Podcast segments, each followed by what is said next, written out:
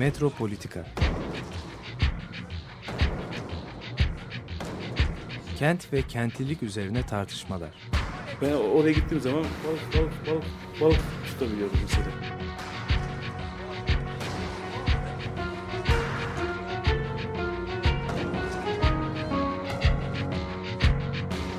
Hazırlayıp sunanlar Aysin Türkmen, Korhan Gümüş ve Murat Güvenç.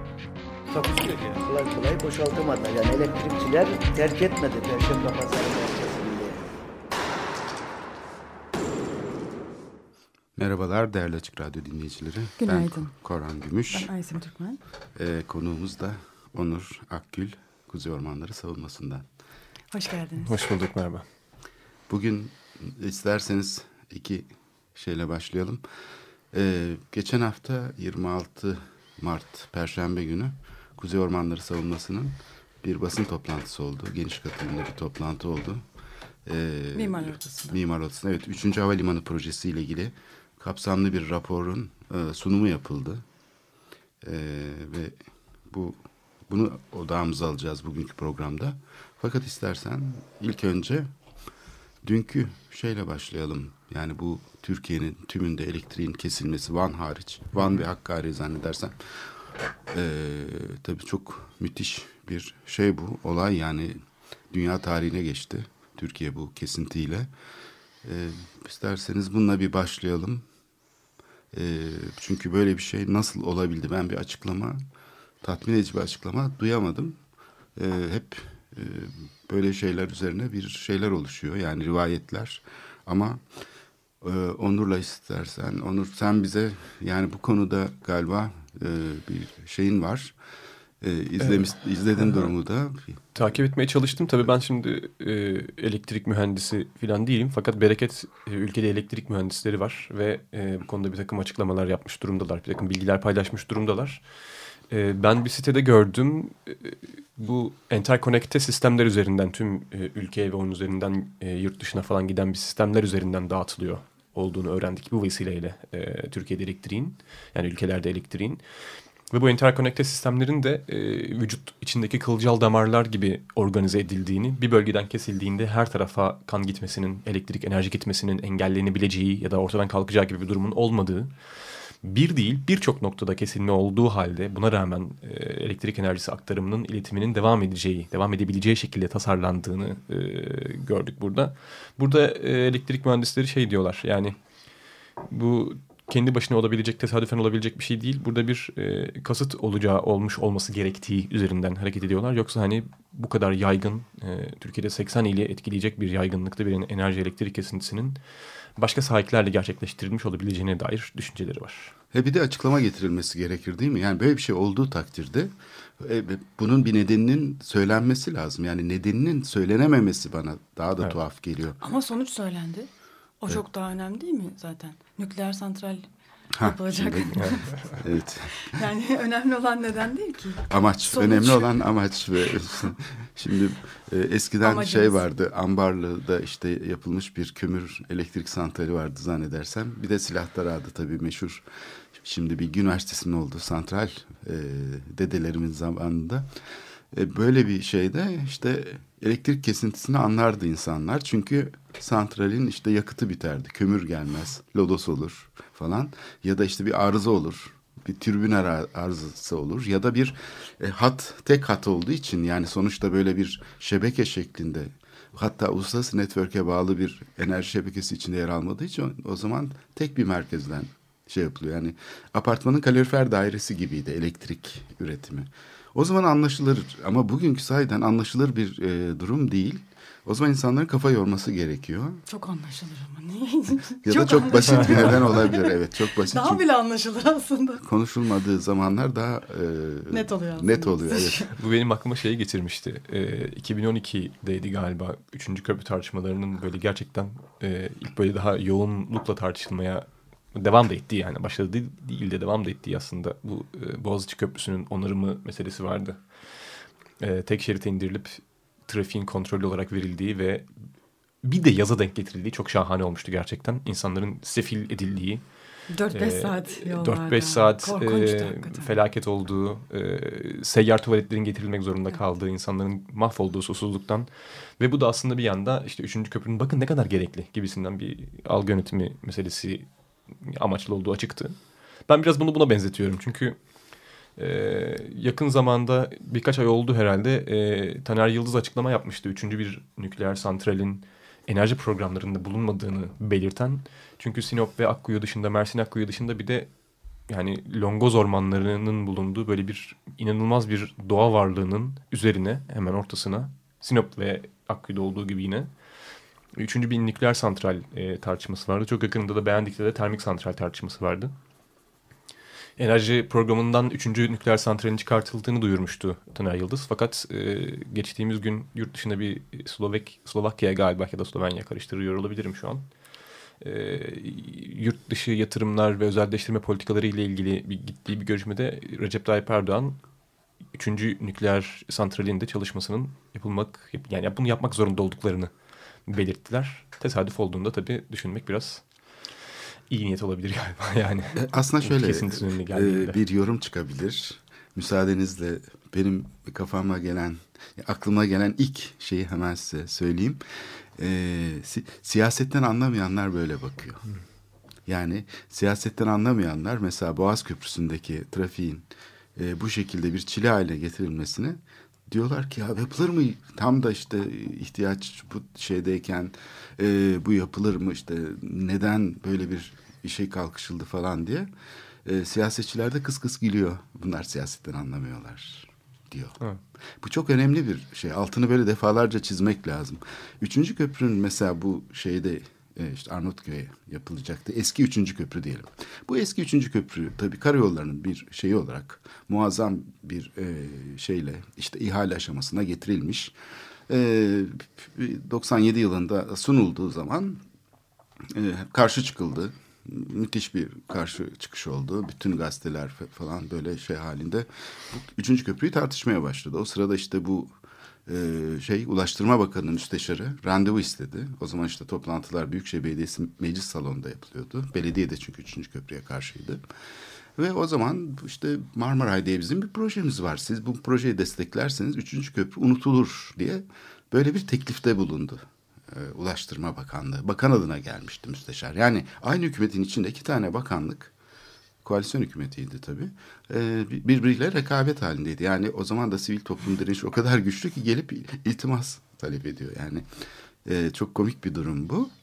Şimdi sonra üçüncü köprü projesi tekrar e, ortaya çıkıp kuzeye yapıldığında, kuzey yapımı başlandığında hatırlar mısınız bilmiyorum.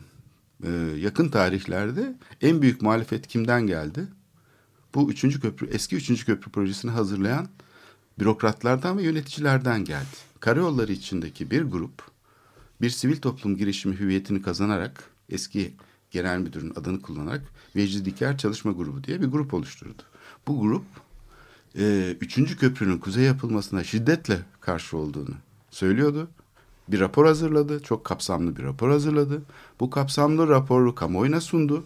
Hiç yani devlet içinde devlet, paralel devlet işte böyle denir. Devlete karşı yani siyasi iradeye karşı bir e, kampanya yürüttü. Bu rapor tartışıldı. E, ve işte karayolları 3. köprünün kuzeye yapılmasına karşı diye. Çünkü o raporu okuduğunuzda aynen e, demin konuştuğumuz konu gibi ihtiyaç, 3. köprü ihtiyacı şeydedir. E, iki köprünün arasında teşekkül etmektedir. Ana ulaşım ihtiyacının şeyi budur. Marmaray'ın zaten sahile yapılmasına da karşıydılar. Dolayısıyla kuzeye yapılacak bir üçüncü köprü İstanbul'un ulaşım ihtiyacını çözmez. Şimdi siyasetten sayeden anlamıyor uzmanlar. Onlar ulaşım açısından tartışıyorlardı çünkü üçüncü köprüyü. Yani hep üçüncü köprü olsun, birinci köprü hatta ulaşım ihtiyacını karşılar mı, karşılamaz mı? Oysa herkesin gözleriyle gördüğü başka durumlar var. Yani şehrin içindeki gelir şeyinin değiştirilmesi, merkezi yönetim tarafından yerel ekonominin tamamen disipline edilmesi ve şimdi bu kuzey yapılacak üçüncü köprü aslında Marmara kıyısındaki metropoliten havza gibi kuzeyde de bir metropoliten havza oluşturmaya çalışıyor. Yani asıl amacı bu. Ve muazzam bir ekonomik değişimi öngören bir adım. Dolayısıyla bunu üçüncü köprü yani karayolları Genel Müdürlüğü'ndeki bu etkili bürokratların ve yöneticilerin yıllardır deneyimleriyle baktıkları dünya onların dar bakışıyla yani bir şeyden bakarak, dar bir açıdan bakarak sadece ulaşım diye baktılar. Yıllarca böyle tartışıldı üçüncü köprü meselesi. O yüzden de kuzey yapılamaz diye muhalefet ettiler. Bizatihi eski üçüncü köprüyü tam da İstanbul Boğazı'nda iki köprünün arasına yapmak isteyen bürokratlar. Bu bana bunu çağrıştırdı. Yani uzmanlar açısından bakılınca o siyasi durum aslında anlaşılamıyor. Yani evet. muazzam bir gelir transferi yarattığını, merkeziyetçi rejimi pekiştirdiğini ve bunun siyasi sonuçlarının nasıl iktidara hizmet ettiğini algılamayıp bunu sadece teknik bir konu gibi, işte ulaşım ihtiyacını karşılayamayacak falan gibi e, bir çerçevede tartışmaya çalıştılar ve arkasındaki o sınıfsal problematiği algılamaktan yani siyasi problematiği algılamaktan oldukça uzak bir şey e, sergiledi o dönem üçüncü köprüye karşı çıkan şey. Şimdi kapsamlı daha şey olan bir rapor var karşımızda aslında sunulan. Çünkü işin siyasi boyutunu ilk defa tartışıyoruz. Bugüne kadar aslında bu siyasi boyut hep arka planda kaldı. Biraz uzmanlar arası tartışma gibi oldu. Yani İstanbul ulaşım sorunu gibi ya da çevre sorunu gibi. Bu açıdan baktığımızda şimdi bu aşamada karşımızda yani şimdi şeye baktığımızda şuradan başlayalım istersen. Bu söylediğimizi güçlendirecek. Mesela dünyanın en büyük havalimanlarına baktığımız zaman Heathrow falan Londra'daki mesela. Atlanta, evet. 100 milyon e, kişi taşıyor neredeyse şey kullanıyor. Bunun onda bir kadar hatta belki yirmide bir kadar bir alanda muazzam bir şeyde büyüklükteki bir alan tahsis edilmiş oluyor. Değil mi? Dünyanın şu anda yolcu yoğunluğu bakımından en büyük e, havalimanı Atlanta Havalimanı. E. Senelik 95 milyon e, yolcu kapasitesine sahip ve e, alan kapsadığı alan 1625 hektar. Üçüncü havalimanı projesi için ise e, hedeflenen yolcu sayısı 150 milyon ve e, 7650 hektarlık bir alan düşünülüyor bunun için. Yani çok uçuk e, rakamlar bunlar. Ve e, yani 150 milyon yolcuya hizmet etmesi için gerekli alanın da yapılan hesaplara göre en fazla 3500 hektar olması da yetiyor. Yani iki katı neredeyse iki katı e, büyüklüğünde bir alan tahsis edilmeye e, gayret ediliyor ki birazdan gireriz. Tahsis edilmiş de değil bu arada. Yer teslimi de yapılmış da değil. Hani proje içinde yer teslimi yapılmadan temel at, atılmış bir proje bir yandan da bu. Yani aslında az önce dediğinizin üzerine oturan bir tartışma var. Burada ölçek tartışması var. Ee, biz 2014 başında da bir rapor hazırlamıştık. O zamanlarda tartışılan çok e, yine çok böyle siyasi eksenden değil belki fakat daha çok böyle ekonomik alandan bakıldığında yani ulaşım projesi teknik alandan değil siyasi ve siyasi ve ekonomik bağlamlardan bakıldığında e, isabetli şekilde görülebilen bir gerçek vardı ki bu e, bu üç projenin şu anda dillendirilen üçüncü köprünün e, çok tartışmalı olan haliyle yapılması çok da mümkün görünmeyen üçüncü havalimanı projesinin ve de bir ucube olan Kanal İstanbul projelerinin aslında birlikte eş bir e, entegre projeler ağı olarak düşünülmesi gerekiyor. Neden? E, bakıldığında artık İstanbul'un doğu batı ekseninde yani şu andaki yerleşmiş şehirleşme anlamında gelişeceği artık yer çok fazla kalmış değil. Yani kentsel dönüşümde çok ciddi hak ihlalleri yapılıyor. O yüzden o taraflarda ilerleyip bir yandan da projelerin için hafriyat e, elde etmeye gayret ediyorlar. Fakat artık 3. havalimanının özellikle yerleştiği bölgeyle birlikte orayı bir cazibe merkezi haline getirmek gibi durum var. Bunun ilk adımını zaten bildiğiniz üzere 3. köprüyle attılar ulaşım projesi olarak yansıtılmaya çalışıldı. Çünkü e, hiçbir e, içinde yaşayan hiçbir insanın reddedemeyeceği, inkar edemeyeceği bir trafik problemiyle boğuşan İstanbul'a 3. köprünün hayat getireceği, trafik anlamında hayat getireceği iddia edilip duruldu. Ben proje ilk açıklandığı zamanlarda e, bindiğim arabaların, taksilerin bütün şoförleriyle bunu konuştum. Nasıl bakıyorsunuz, ediyorsunuz falan diye ve gerçekten de o devletin yaptığı iş yapmak, yatırım yapmak meselesindeki o güven hala devam ediyordu ve köprünün trafik, üçüncü köprünün e, İstanbul'un toplam toplam trafiğinden alacağı yükün yüzde üç gibi bir oranda olduğunu Hükümet, söylediğimde transit trafiği karşılayacağını söylüyor. Öyle söylüyor. Evet. evet. Ağır, tra ağır trafiği yukarı kaydıracağını söylüyor. Evet. Ve yüzde üç gibi bir oranda aslında bu trafik e, buradan alacak. Evet. Fakat e, işte tabii öyle bir hadise var. Yani yapılan edilen iyidir gibi bir yaklaşım var. Fakat geldiğimiz noktada artık bizim biraz durmamız gerekiyor. Yani gelişmek her zaman bir şeylerin inşa edilmesi, yapılması gibi olmak zorunda değil. Böyle değil. Durmak, geriletmek falan da bu anlamda çok önemli bir gelişme olacak. Ki şehrin 17 milyon insan yaşıyor bu şehirde. Bu, bu insanlar tesadüfen yaşamıyorlar.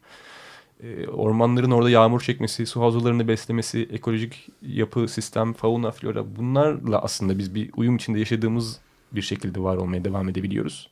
E, o yüzden de zaten yani ortada e, buraları cazibe merkezi açacak yer kalmadıkları için bu projeleri bu anlamda entegre projeler olarak düşünmek lazım.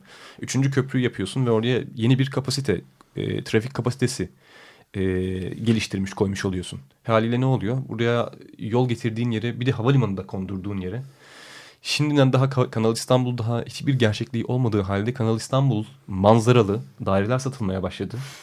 Kanal daha açılmadan, kazılmadan köp üzerlerine köplerin yapılacağı yerleri belirtmeye ve kesinleştirmeye çalıştıklarını bahsettiler. Yani bunların hepsi aslında bizim raporun e, en temel tezlerinden bir tanesi olan, çok da yeni de aslında bu anlamda bir tezde olmayan 3. Havalimanı projesinin aslında bir ulaşım, bir havalimanı projesi vesaire olmadığı bir cazibe merkezi, bir emlak projesi oldu. Bu ilk defa söyleniyor çünkü ben ikinci köprü yapılırken şimdi siz hatırlamazsınız ama ikinci köprünün şeyinde aynı tezler ileri sürülmüştü. Yani bu transit trafiği İstanbul'un şehir trafiğinden almak için yapılıyor. Ayrıca da e, şeyle alakası yok. Kent içi ulaşımla vesaire gibi. E, bunun üzerine de ciddi bir tartışma başlamış. Yani o tarihlerde pek e, sıkı yönetim sonrası falan filan 12 Eylül sonrası ama e, ulaşımcılar arasında yani bu şey gibi e, bu köprünün aslında rasyonel olmadığına dair. Şimdi bu çerçeveye sıkışıp kalmak yerine ilk defa yani bu raporla birlikte işin siyasi boyutu tartışılmaya başlandı. Çünkü bunu yapanlar pekala ne yaptıklarını biliyorlar. O zaman bunu Tabii. ulaşım sorunu diye tartışmanın ulaşım sorununu çözmek için yapılan bir proje diye değil. Doğrudan diyor üstelik de kent içinde yapılan projeler romantik kalıyor bunun yanında. Hı. Yani şimdi Tarlabaşı projesinin ölçeğine bakarsanız Sulukule'nin falan bunlardan zaten bir kar falan da edilemiyor. Ama burada hiç değer olmayan hazine arazilerini tıpkı İstanbul içindeki parkları, yeşil alanları, son kamu alanlarını özelleştirir gibi havalimanı için şu anda ayrılan o muazzam e, 7500 hektarlık alanın dışındaki alanı da çok ciddi bir şekilde etkileyecek bir projeler e, kompleksiyle karşı karşıyayız. Yani evet. burada yeni bir şehir kurma, İstanbul'daki e, şeyin şehir rantının aslında neredeyse hani yüzde yirmisi yüzde kırkı mertebesinde böyle değişebilir. Çünkü başlangıçta yüzde yirmi gibi gözüküyor ama yüzde kırka da çıkabilir. Etkileyebilecek hani tedavüldeki parayı arttırmak gibi Merkez Bankası'nın para basması gibi bir şey bu. Yani merkezi yönetim buradan muazzam bir kaynağı transfer ediyor. Şu anda köprünün şeyin e, köprü için de aynı şey geçerli. Araç tüneli için de aynı şey geçerli. Bunların hepsi yap işlet devlet. Yani bunların hiçbirinde kamu yatırımı söz konusu değil.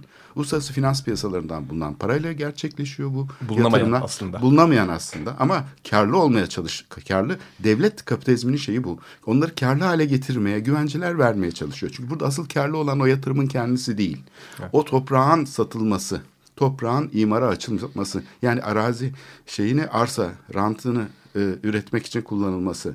Bu bin misli bir değer yaratan bir şey. Yani köprü birse onu yaratacağı şey bin diye bakmak lazım. Kolay anlaşılsın yani diye söylüyorum. Dolayısıyla bu değişimi elinde tutan güç aynı zamanda da merkezi kaynakları elinde tutan güç ve bunu dağıtan güç haline geliyor ve siyasi iktidarını pekiştiriyor. Dünyadaki seçimle dahi gelmiş olsa bütün otoriter rejimlerin kendi iktidarını yeniden üretebilmesinin şeyi bu. Aslında siyasi sonucu bu. Yani o petrol zengini olan işte bu tip e, şeylerde Sovyetler Birliği'nden sonra ayrılmış olan bütün devlet kapitalizmiyle yönetilen ülkelerde gördüğümüz şey seçim yapılıyor, yapılmıyor değil. Ama seçimlerin çoğunda yani oyların e, büyük kısmını zaten lider alıyor. Hani Suriye'deki seçimler gibi.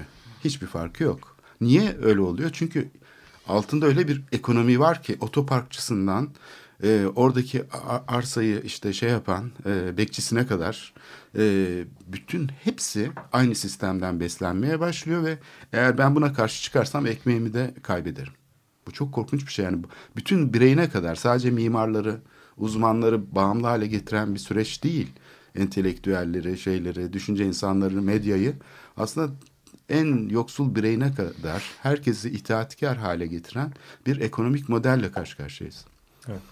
E, tam şeyden bahsettiniz yani bu üçüncü e, havalimanının aslında tam yeri de belli değil. Ancak hani temel atılıyor. Hani Yer tam- teslimi yok. Yer teslim teslim. yok. Ya şimdi e, o kadar o kadar büyük bir yer ki e, şöyle tarif edeyim. E, yani ölçümsel bir karşılaştırma yapmak için ve teyit etmek için yeniden buraya gelmeden önce 80'ler Gezi- öncesi Gezi İstanbul Parkı'nın- büyüklüğünde bir yerden söz ediyoruz. Yani evet çok çok acayip. Gezi? Gezi Parkı'nın Gezi Parkı'nın yüz ölçümüne e, yeniden baktım geldim. Gezi Parkı 38 bin metrekare. Şimdi küçük bir detay ekleyeyim buraya. E, havalimanı ile karşılaştırmadan hemen önce. Havalimanı için e, anlaşması yapılan ve Nihat Özdemir'in çok büyük bir gururla duyurduğu duty free yani bu işte vergisiz alışveriş yapılan mekanın havalimanları içinde. Onun için dü- düşünülen e, Yeme içme bölümü. alanın Evet. boyutunu söylüyorum 50 bin metrekare. Yani Gezi Parkı'nın üzerine 12 bin metrekare daha ekleyin. Sırf bu kadar büyüklükte bir duty free merkezi kuruluyor e, havalimanı içinde. Ve bunu gururla e, söylüyorlar. Gelelim havalimanının büyüklüğüne. Havalimanı e, Gezi Parkı'nın yani 152 katı yani duty free'nin 152 katı. Toplam havalimanının toplam 150. ölçeği. 38 bin metrekare Gezi Parkı. 76 milyon metrekare 3. havalimanı. Ne inecek kalkacak buraya Ha, bu uçak, uçak değil, değil, herhalde. burası bir şehir. Şehir zaten. Yani Evet. zaten öyle bir şey var. Şimdi e, Kongre merkezleri. hemen şeyler. şehrin güneyine doğru da aynen. Evet. Kongre merkezleri, Rezidanslar. sağlık turizmi yerleri, rezidanslar, e, Bio İstanbul denen bir diğer sağlık sağlık şehri diye pazarlanacak olan bir diğer proje. Yani bunlar aslında hepsi var olan kalan şu anda İstanbul'u besleyen ekosistem alanlarının üzerine dikilen bu anlamda burayı da böyle yatırımsal gözle bakıldığında müthiş cazibeli, müthiş çekici olan alanların işte ranta açılması meselesi. Şimdi bakmayın e, şey deniyor. Üçüncü köprünün torba yasa içinde geçirilen maddesiyle birlikte ranta açılacağı, ormanların ranta açılacağı kanıtlandı, görüldü ve buna karşılık e, açıklamalar yaptılar. İşte bizim bu şekilde buraları ranta açacağımıza ilan eden, açıklayan insanlara karşı hukuki yolları kullanacağız, edeceğiz falan falan diye. Fakat bir yandan bakıyorsunuz zaten e, biz geçen gün 29 Mart'ta e, 3. Köprü kesim alanına gittik. Orada bir e, Çekül Vakfı, Türkiye Ormancılar Derneği ve Sarıyer Kent Dayanışması ile birlikte bir eylem organize ettik. Oraya gittik, yürüyüş, yürüyüş yaptık orada. Orada mesela gördüğümüz parçalardan bir tanesi de Sarıyer'de, Kısırkaya'da yaptıkları toplama kampıydı. Büy- Büyükşehir Belediyesi'nin. Oradan çok her şey, büyük resim o kadar net görünüyor ki. Gerçekten bir gün öneriyorum buradan bizi dinleyen insanlara. Gidin bakın oraya.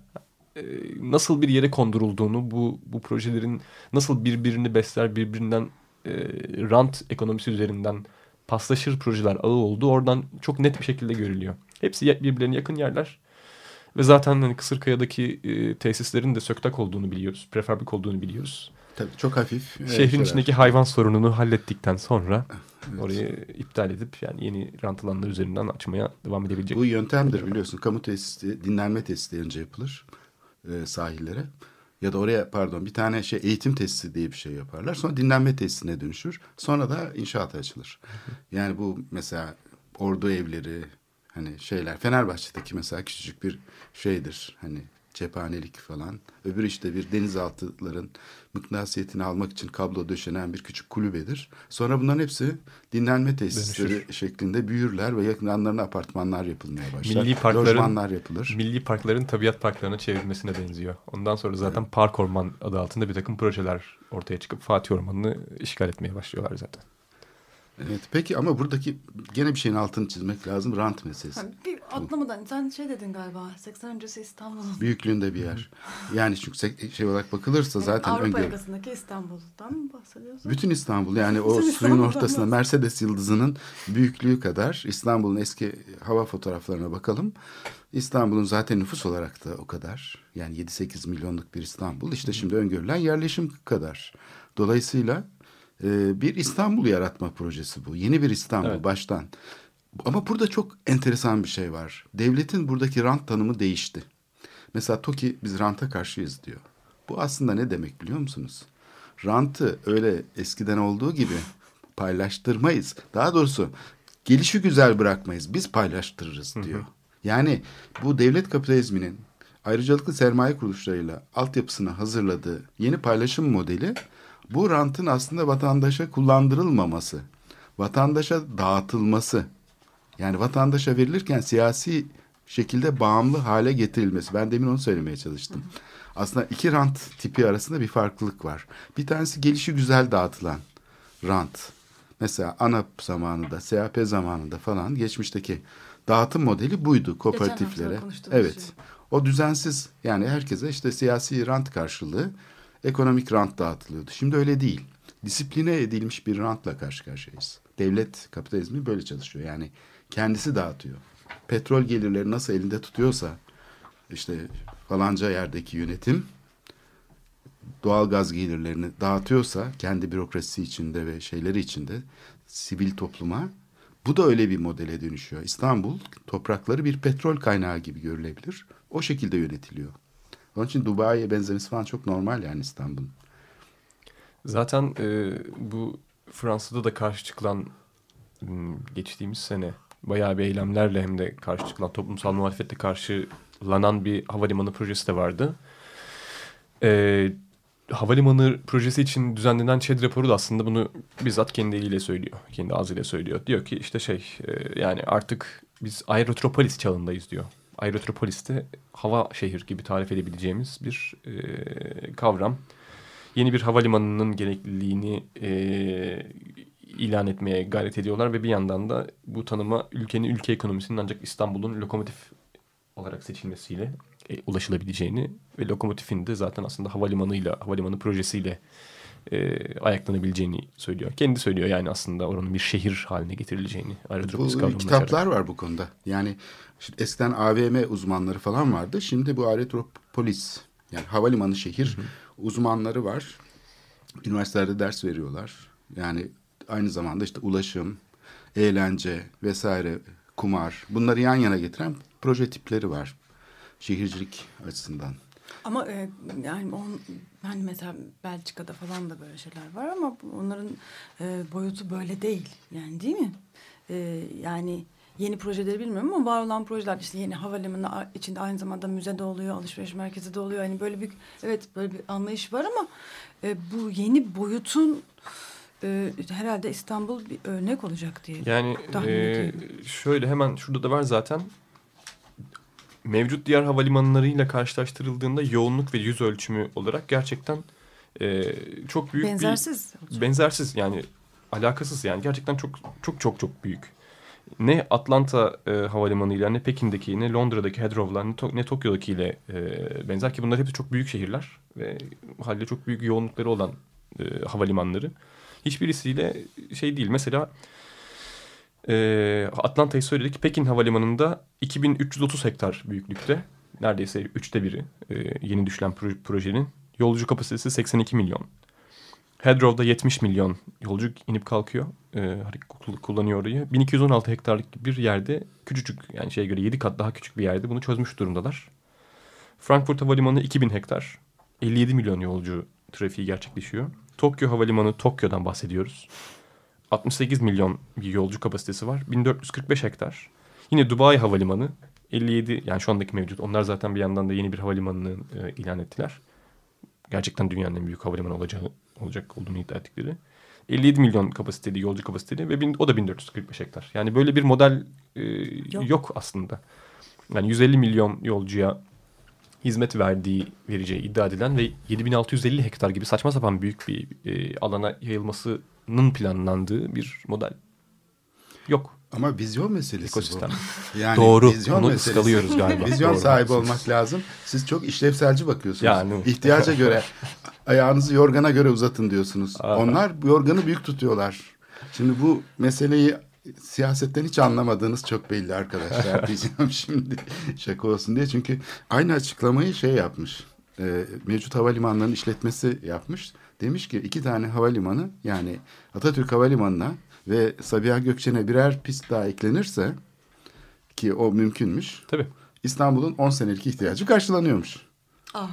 Bak siyaseti Candan- anlamadığı ne kadar belli. Evet. Candan Karlıtekin. e, Ee, bu Akfe'nin e, yönetim kurulu başkanı Hamdi Akın. Hamdi Akın'ın da söylediği. Evet. Candan Kartekin de hemen yine Aynı ar- şekilde. arka sayfada olacak. Evet. Aynı şekilde aynı şey benzer. Bunlar bu, bu projenin yani bu sektörün içinden gelen insanlar. Yani. Çok iyi bilen insanlar. Çok iyi bilen Aynı insanlar. üçüncü köprüyü bilen işte karayolları bürokratları gibi. Evet. Çok iyi biliyorlar. Vizyon Teknik olarak işte. konu, konuya hakimler ama siyasetten hiç anlamıyorlar.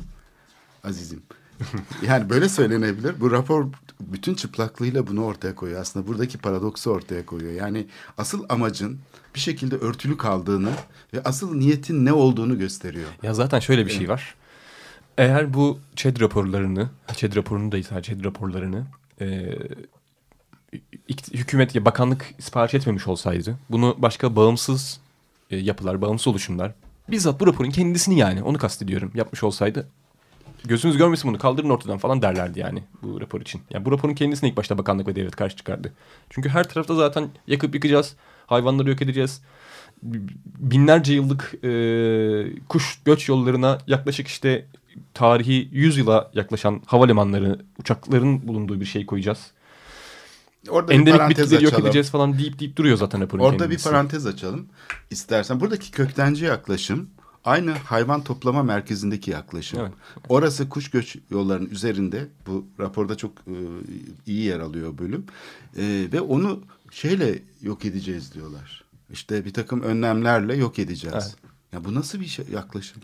Ağaçları alıp o, o- yani ormanları alıp başka bir yere ekeceğiz demekle hiçbir farkı yok. Canlıları, cansızları, her şeyi Yani şöyle biz fantastik. yönetiriz diyen bir yaklaşım bu. Ekolojik hiyerarşi dediğimiz şey aslında biraz böyle bir şey yani. Yani ekolojik hiyerarşinin aslında bir yandan da burada rant ekonomisi üzerinden ara- araçsallaştırıldığı bir diğer noktası bunun. Ee, oradaki yapılan ölçümlere göre İstanbul'un üzerinden senede 750 bin civarı kuş geçiyor. ÇED raporu e, sağ olsun bilgi eksikliğimizi gidererek İstanbul'da Belgrad Ormanı'nda e, İstanbul ormanlarında yani bölgede toplamda 17 kuş türünün bulunduğunu iddia ediyor. Fakat sadece Belgrad Ormanı'nda 160 e, farklı tür kuş var. Yani bu kuzey ormanları hattı dediğimiz ekosistemde toplamda 200 kuşun olduğu, 200 tür kuşun e, bulunduğu bir yuvası olduğunu gösteriyor. Bu böyle bir şey. Kuş, kuşları orada e, tehdit et- etmek için, daha doğrusu yani sürmek için, göç yollarından sürmek için çeşitli yöntemler geliştirmiş durumdalar. Bir tanesi e, bölgedeki havalimanı için düşündükleri projenin etrafına iğne yapraklı e, ağaçlar yerleştirmek. Bir diğeri e, sivri sopalar kullanmak.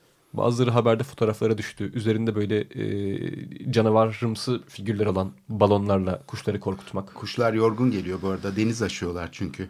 Yani bunun nasıl bir e, felaket olduğunu e, herhalde tahmin etmek zor değil. Yani kuşların orada bir tür kırımı söz konusu olacak. Tabii, Kuşlar tabii, çünkü tabii, kesinlikle. ancak o mesafeyi aşıp yanaşacakları yere bir bakıyorlar ki havalimanı Canavarlar yapılmış var. ve bir canavarlar var ve sesle de korkutuluyorlar. Ses ses çıkartan aynı şekilde Evet, ses çıkartan aletlerle. cihazlar da olacak. Evet.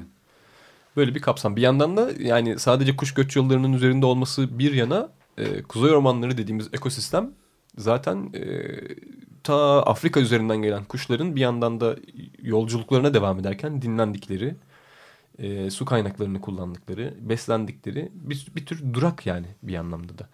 Ve oraya geldiklerinde eskiden işte göletlerin, ağaçların bulunduğu, yuvalayabilecekleri, bekleyebilecekleri yerlerde bulunduğu yerlerde artık işte devasa köprü ayakları, efendime söyleyeyim müthiş duty free shoplar, dükkanlar ve bir takım çok cici cici çantaların bulunduğu dükkanlar. On binlerce otoparklık, e, araçlık otoparklar falan görüp e, zaten e, kendi genetik kodlarının onlara verdiği uçma ve yön bulma yetisini kaybederek bir anlamda kafaları karışacak. E, kafaları karıştığı noktada da zaten bir takım canavar balonlarla karşılaşacaklar. Ses çıkartan cihazlarla karşılaşacaklar. Böyle bir kader biçiliyor yani şu anda oradaki e, kuş varlığını da. Bu sadece hani aslında Türkiye'deki insanları ve kuşları ilgilendirmiyor. Bütün dünyadaki Tabii ki tabii ki. ciddi bir ekolojik problemden bahsediyoruz. Dünyadaki peki- hayvan hakları savunucularına çare yapmak lazım. Evet. Kesinlikle. Kaldı ki bir de şu da var. Ee, bir yerde şey demişlerdi. Ya kuşlar alışır ona ya. Yani geçerler oradan ya falan. Değiş, değiştir onların yönlerini falan demişlerdi. Ee, Zeynel Arslan Gündoğdu'ya proje e, zamanı geldiğinde soruyorlar. Diyorlar ki hani bu, bu konuda bize bir o civara yönelik bir çalışma yap diyorlar. Ama diyor ki yani hoca da burada diyor böyle bir çalışmanın yapılması için vakit gerekir. Yani 3-4 sene burada e, çalışmak gerekir. Buradaki kuş varlığı, kuş göç yollarının üzerinde oluşu üzerinden çok ciddi bir yaşam varlığı, can, canlılık çalışması yapılması gerekir. Ki o çalışma yapılsa zaten bir kere oradan zaten hani bu konuda anti argüman, antitez gelir yani ortaya. Ama tabii böyle bir böyle bir çalışmaları zaten yok.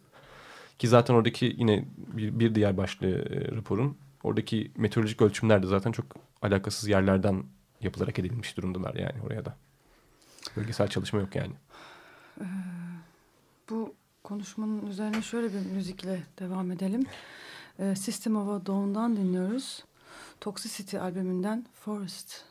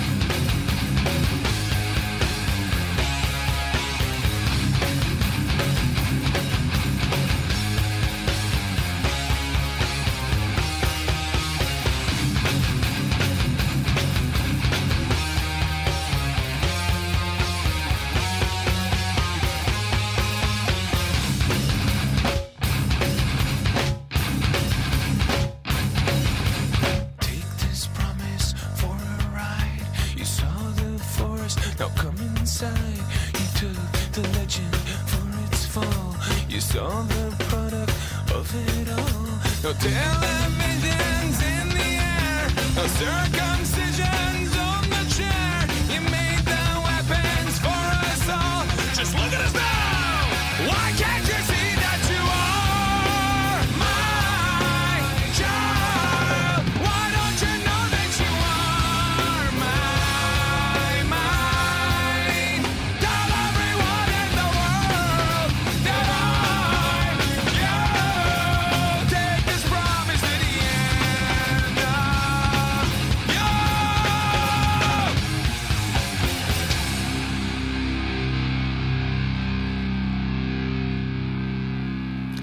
A Down'dan dinledik. Toxicity albümünden. Ee, yani e, Zehirli, Zehir Kenti albümünden Forest adlı parçayı e, dinledik. E, Kuzey Ormanları Savunması'nın Onur Akgül'le olan sohbetimiz devam ediyor.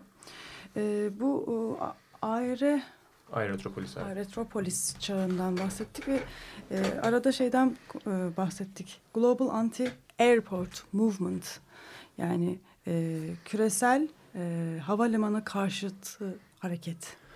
Biraz ondan bahsedebilir misiniz? Evet, e, şimdi takip edebildiğimiz kadarıyla e, yeni böyle ayakları şey yapan, sağlam sağlam yere basmaya başlayan ve bu konuda veriler üreten, bu aerotropolis kavramının ne olduğunu ve e, sermaye hareketlerinin içinde ne, ne, şekilde yer aldığını e, yeni yeni böyle tartışmaya açan e, alanlardan bir tanesi bu. Bizi e, biz raporu basın toplantısıyla tanıttıktan sonra ve raporda e, basın basın emekçisi arkadaşlarla paylaştığımız verileri ve videoyu e, İngilizceye çevirip e, sosyal medya hesaplarımızdan paylaştıktan sonra bizi gördüler. Bizimle e, temasa geçmiş olduk bu vesileyle. Onlar da videoyu e, sağ olsunlar paylaştılar ettiler. Gerçekten de orada yani her tarafta gördüğümüz bir şey. Onlar onların da kendi ilgilendiği alanlarda gördükleri havalimanı için gerçekleştirilen yaşam kırımı diyebileceğimiz e, hadiselerin bir diğer örneğini e, görmüş oldular bu vesileyle. Biz şimdi raporu İngilizceye e, tercümesi sürüyor. Şu anda İngilizce ter tercümesi sürüyor.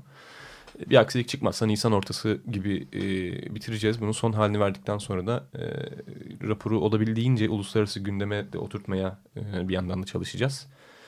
Çünkü bu sadece bizi ilgilendiren bir durum değil. Başta İstanbul'u zaten sadece ilgilendiren bir durum değil. Sırf ekolojik anlamda İstanbul üzerinden Marmara'yı ilgilendiren ve ekonomik anlamda da Mustafa Sönmez buradan yeniden teşekkür etmek istiyorum kendisine. E, yani, Kuzey Ormanları savunması olarak teşekkür etmek istiyoruz elbette. Ben teşekkür etmek istiyorum dedim ama e, kendisi bizim rapordaki ekonomi kısmını yazdı ve bu oldukça güzel bir şekilde de anlattı. Verdiği e, mülakatlarda da söylediği şu. Zaten bu tür mega projelerin yapılıyor olmasının kanıtladığı bir şey var. Ekonominin ne kadar büyük bir darboğazda olduğu ancak mega projelerle kurtarılabileceğine inanılan bir ekonomi zaten çökmüş durumdur e, gibi bir şey. Bunlar olmasa zaten ne batmış vaziyette. yani? Evet. Ve diyor bu projeler zaten e, ülkeyi Yunanistan yapar. Yunanistan bu mega projeler e, hedefleriyle zaten ekonomik çöküş e, yaşadı diyor. E, Birçok anlamda birbirine domino taşı gibi etkisi olan süreçlerle yani ülkede etkilemeyeceği insan bırakmayacak bu proje başta ve e, 3. Köprü ve Kanal İstanbul projeleriyle birleşen o entegre projeler ağıyla birlikte yani herkesin Türkiye üzerinde nefes alıp veren herkesin hayatını berbat şekilde etkileyecek projeler bunlar. Bir yandan da e, hani dünyadaki bu mega projelere de baktığımız zaman bu projeler başlıyor aslında bir sürü iktidar değişiyor. Bu projeler hala Değişmiyor. bitmiyor yani e, inşaat süreçleri bile e, birkaç iktidar e, zamanını alıyor. E, şimdi burada da büyük ihtimalle aynı şey olacaktır. E, yani bir iktidar değişimi söz konusu olduğunda ama gelen iktidarlarda da yani ol- olası şeylerde de sanırım bu politikacılarda da bu projeyi destekleme e, yönünde bir tavır var anladığım kadarıyla. Bu da çok da düşündürücü yani hani sadece hani kim muhalefet edecek o zaman gerçekten hani nasıl bir muhalefet nasıl bir politiklik e, biz öngöreceğiz. Çok net bir şey söyleyelim. Bu projeler ağı yani 3. Havalimanı da e, başta olmak üzere bu projeler ağı İstanbul'un bitişidir. Yani İstanbul için e, ölüm çanlarının çalmasıdır. Yapılan bir araştırma bu tip projelere karşı çıkmanın muhalefete puan ya da oy diyelim kazandırmadığını gösteriyor. Yüzde beş kadar falan etkiliyor. Ee, bu bir kamuoyu araştırması. Dolayısıyla e, dediğin şey çok önemli. Yani siyasetin aslında alternatifi kalmıyor. Başka bir partinin iktidara gelmek için bu projelere karşı çıkması değil tam tersine muhalefetin benimsemesi gerekiyor ki bunu örneğini gördük geçen hafta. Ee, şimdi bu çok vahim bir şey. Yani her koşulda duvara toslamadan e, şeyin değişmesi mümkün değil bu projelerin. Evet. Kriz olmadan yani kendi yarattığı krizin içinde boğulmadan siyasi bir alternatifin ortaya çıkması mümkün gözükmüyor. Yani velev ki hani e, Çipras gibi bir hükümet geldi diyelim hani. Kriz sonrası işte. Kriz sonrasında böyle bir hükümet geldi diyelim. Bu sefer hani ba- başlanmış olan ve hani mesela in- binlerce ağaç kesilmiş olacak. Orada da öyle Olan olmuş olacak. hani lök gibi bir şey orada da başlamış olacak bir yandan da böyle yarıda kalan o da o da korkunç bir şey yani. Çok güzel bir noktaya geldi. E, olan olmuş falan değil bu arada. Onu belirtelim. Henüz olmadı. Evet. Şimdi şöyle, e, bu zaten aslında bir yandan da e, şu andaki siyasi iktidarın e, çok böyle yana yakıla, böyle mutlulukla ifade ettiği bir, bir e, projeyi meşrulaştırmak üzere ifade ettiği argümanlardan bir tanesi. Biri orasının projenin e, maden sahası üzerine e, yapılmış yapıldığı. iddiası vardı. iddiası. Bu nasıl Şöyle. bir yalan? Yani değil mi? Müthiş, muazzam. Şöyle ki e, orada çok uzun yıllardır zaten e, kömür madeni çıkartılmak üzere kömür ocakları çalışmaları e, devam ediyor. Şimdi mevzuata göre zaten buralar e, kömür yani maden şirketlerine geçici olarak e, tahsis ediliyor. Ve ondan sonra da yine mevzuata göre bunlardan istenen siz bölgedeki işinizi bitirdiğinizde burayı ağaçlandırarak terk etmek durumundasınız. Nasıl aldıysanız öyle bırakacaksınız kardeşim. Fakat bu e, özellikle geçen işte bu e, bir tane televizyon programına katılan Lütfü Elvan söyledi. Diyor ki mesela ya orası zaten krater ya işte şey yani. Ormanlık bitmiş arazi. çoktan kaybetmiş. Orman yok dedi içinde. Yüzde doksan orman. Projenin içinde orman yok dedi. Ulusal televizyon kanalında. Bunu hani altını çizmekte fayda var. Orası bataklık ya dedi. Yani çevresinde o, o alanın kendisinde çevresi, çevresin, kendisinde orman yok. Çevresinde ormanlık arazi var dedi. Projenin ÇED raporunun kendisi söylüyor. Ee, bu arada projenin ÇED raporunun kendisi diyor ki yüzde 72 ormanlık alan. Projenin toplam hektar alanı 7650 hektar. Rapora göre 6172 hektarlık alan ormanlık 6172'yi 7650'ye böldüğünüzde 0.81 çıkıyor. Bunu 0.72 olarak söylüyorlar. Yani herhangi bir insanın o sayfayı gören herhangi bir insanın baktığında bu iki rakamın birbirine bölünmesinden elde edilen sonuç %81. Ya bunu bari yapma değil mi? Hani bunu bari yapma yani. Orada bir hesap hatası gibi bir şey dahi yapma yani. Ama oradan bile nemalanmaya çalışılıyor. Bir diğer tarafta e, proje alanının yer yer işte 76 milyon metrekare olduğundan bahsederken ormanlık alanının yine hektar, hektar cinsinden veriyor. Yani bir yerde milyon metrekarelik bir birim kullanırken bir yerde yine bir algı yönetimi e, hasebiyle e, binli veriler veriler kullanıyor. Şimdi şöyle söyleyelim. O zaman binde bire düşüyor tabii. Yani anlaşılmıyor. Yani çok böyle e, dikkat edip mesela atıyorum hektarın işte kaç bin metrekarelik bir veri e, birim olduğunu e, düşünerek bakmadığımız bir anlık zaman diliminde aa bir şey değilmiş ya falan denebilecek bir durum aslında ortaya çıkartmaya çalışıyorlar. Biz geçen gün pazar günü e, az önce bahsettiğim eylemde Kuzey Ormanları hattını gezdik. Şimdi şöyle bir şey. E, özellikle çok ciddi bir kırımın, ağaç kırımının, ormanlık arazi kırımının gerçekleştiği Kuzey Ormanları e, Kuzey Marmara Otoyolu hattı 3. köprüye müdahil olarak e, projenin alanı için şu anda gerçekleştirilmiş kesim e, çok böyle devasa büyük falan bir alan falan falan değil küçük. Yani şöyle söyleyelim İstanbul'daki Kuzey Ormanları hattının toplam 230 bin hektarlık alan var. Orada. Ormanlık alan. Evet. Ve burada 230 bin alanın e, 8070 8700 hektarı e, şu anda parçalanmış durumda. Yani böyle bir e, şeyle karşı karşıyayız. Küçük oldukça küçük bir e, Şu anki inşaat şey var. nedeniyle olan şey Evet. diyorsun. Ama e, yapılaşma nedeniyle olanı henüz daha Zaten tehdit asıl tehdit o. evet. Yani şöyle bir şey. Onun biz şu anda yüzümüz- evet. tabii biz bu projeyi durdurursak mesela bu projeleri durdurursak ve oraları yaparız. Yani Yırca'da 6 bin kestiler 60 bin diktik dikeriz olur. Doğayı o şekilde oradan geri alırız yapılır. Doğa ama kendini geri kazanabilir ki ama doğa işte kendini geri evet kazanır. Ama orayı yani kat- açarsak. yapılaşma niyet o yani açılırsa ve oranın e, bütün oradaki ekosistem kal yok edilirse e, betonlaşma yüzünden toprağın su geçirgenliği ortadan kaldırılırsa o zaman felaket olur zaten yani. Sorun bu. Ama zaten orada öyle bir e, algı yönetimi üzerinden hareket etmeye devam ediyorlar. Zaten başladı bu proje. Hani Bitti abi. durdurulabilir bir şey mi? kalmadı. diye. Yani Aslında bir, bir yüzde- şey kalmadı diyor. Bir yüzde şey biri- kalmadı yani. yüzde biri Çok küçük yani. ile tetikleyici görev yapıyor bu projeler. Aslında ya, şimdi çok iyi bir ifade oldu bu. Yani bütün o öngörülen büyük yapılaşmanın tetikleyici projeleri bunlar aslında. Tabii. Harekete geçirici şeyleri, kanalları, hareket e, sağlayan kanalları. Bu, Evet. bu çok e, önemli bir e, Biz bunları şey. yancı proje, projeler olarak nitelendiriyoruz. Bir Nasıl? tanesi yancı projeler. Yancı. Evet. Bir tanesi mesela şu anda e, metro hattının üzerindeki Darüşşafaka e, metro istasyonunun arkasında görülen orman işte bölge müdürlüğünün arkasında görülen Fatih Ormanı'nın içinde e, Doğuş ve Bilgili Holdinglerin sürdürmeye devam ettiği şu anda Çevre ve Şehircilik Bakanlığı'nın Bakanlığı'nda ruhsat onayı bekleyen e, Park Orman projesi. O da çok fantastik bir proje. Bungalov, çelik konstrüksiyonlu bungalovlarla e, ormanı deşecekler orada. Bir diğeri Zekeriya Köy'deki e, proje. Zekeriya Köy eski füze arazisi e, kamu ormanlık alanı olan projede alanda e, inşaata devam etmeye devam et, et- inşaatı devam eden proje ve bangır bangır da duyuruyorlar işte şu zaman açı- açılacak bu zaman açılacak diye. Ya bunlar da işte bu hattın zaten e, delik deşik edilmesinin peşine onlardan hatta hattın yok edilmesinin öncesinde ortaya çıkartılan yancı projeler şeklinde bu şekilde ormanlık alanları rant açmaya devam ediyorlar. Asıl niyet bu yani. Ortada bu. Evet başka bir programda da isterseniz e, neler yapılabilir diye tekrar yani devam edebiliriz. Bunun, çünkü bu programda bu raporu tek başına ele almak için yeterli süremiz olmadığını düşünüyorum ben.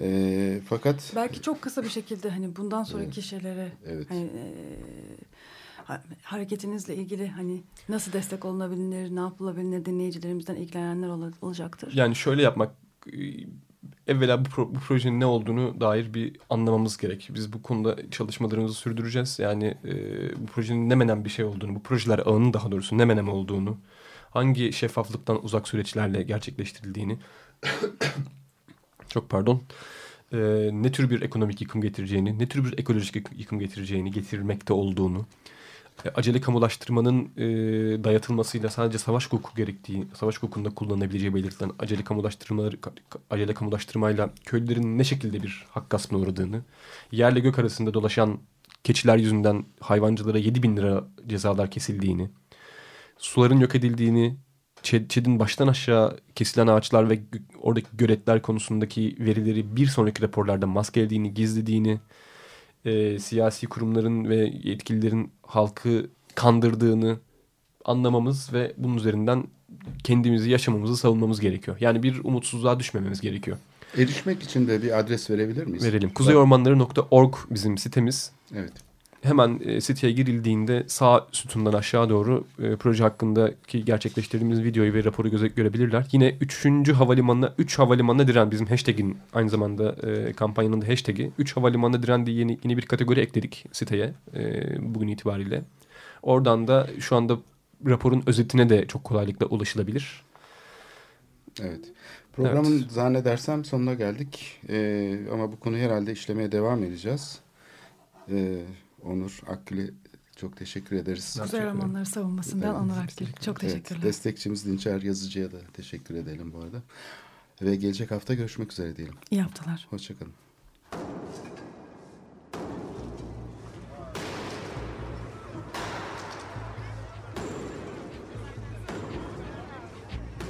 Metropolitika Kent ve kentlilik üzerine tartışmalar. Ben oraya gittiğim zaman balık balık balık balık tutabiliyorum mesela.